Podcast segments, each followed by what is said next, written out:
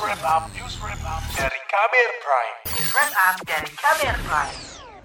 Saudara, pemangkasan vonis hukuman terhadap koruptor menuai kritik dan dianggap melukai upaya pemberantasan korupsi di Indonesia.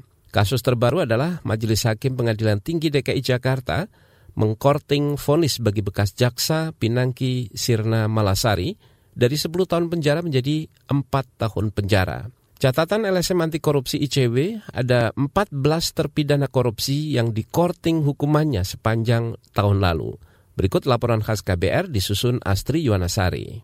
Menjatuhkan pidana terhadap terdakwa Anas Urbaningrum tersebut dengan pidana penjara selama 8 tahun. Ditambah dengan pidana denda sebanyak 300 juta rupiah. Itu tadi putusan Hakim Mahkamah Agung untuk ex-ketua umum Partai Demokrat yang juga terpidana kasus korupsi proyek Pusat Pendidikan, Pelatihan, dan Sarana Olahraga Nasional Hambalang, Anas Urbaningrum. MA memutuskan mengurangi hukuman terpidana korupsi proyek Hambalang itu dari 14 tahun menjadi 8 tahun penjara.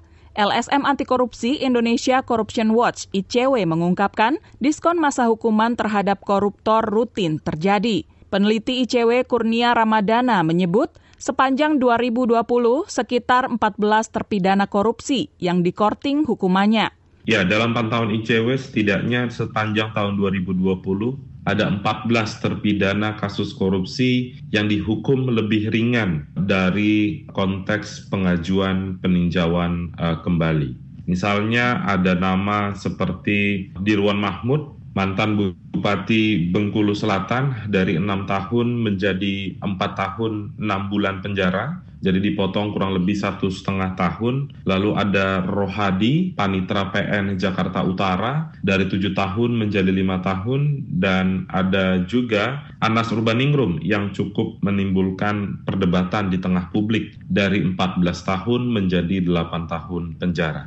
Selain Anas Urbaningrum, baru-baru ini Pengadilan Tinggi DKI Jakarta memotong hukuman terhadap Pinangki Sirna Malasari dari 10 tahun menjadi 4 tahun penjara. Padahal di pengadilan tingkat pertama saja, sang jaksa dinyatakan terbukti menerima suap, mencuci uang hasil kejahatan, dan melakukan permufakatan jahat untuk meloloskan Joko Chandra. Pertimbangan pemotongan hukuman Pinangki salah satunya mengaku bersalah dan menyesali perbuatannya. Selain itu, hakim menilai Pinangki adalah ibu yang harus merawat anaknya. Bagi ICW, pengurangan hukuman ini sangat tidak masuk akal Kurnia Ramadana menyebut seharusnya hukuman Pinangki diperberat karena statusnya sebagai penegak hukum saat melakukan kejahatan.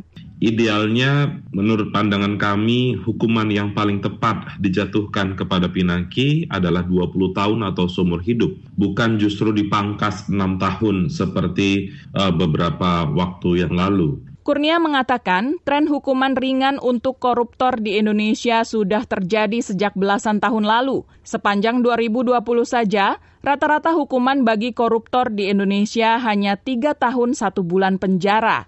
Ya, dari pantauan ICW, tren hukuman ringan ini sudah terjadi sejak tahun 2005. Jadi itu selalu hukumannya tidak pernah masuk dalam kategori sedang ya. Kalau ringan itu dalam pandangan kami 0 sampai 4 tahun, sedang itu 4 sampai 10, berat itu di atas 10 tahun. Selama ini masih terus-menerus berkutat pada hukuman-hukuman ringan.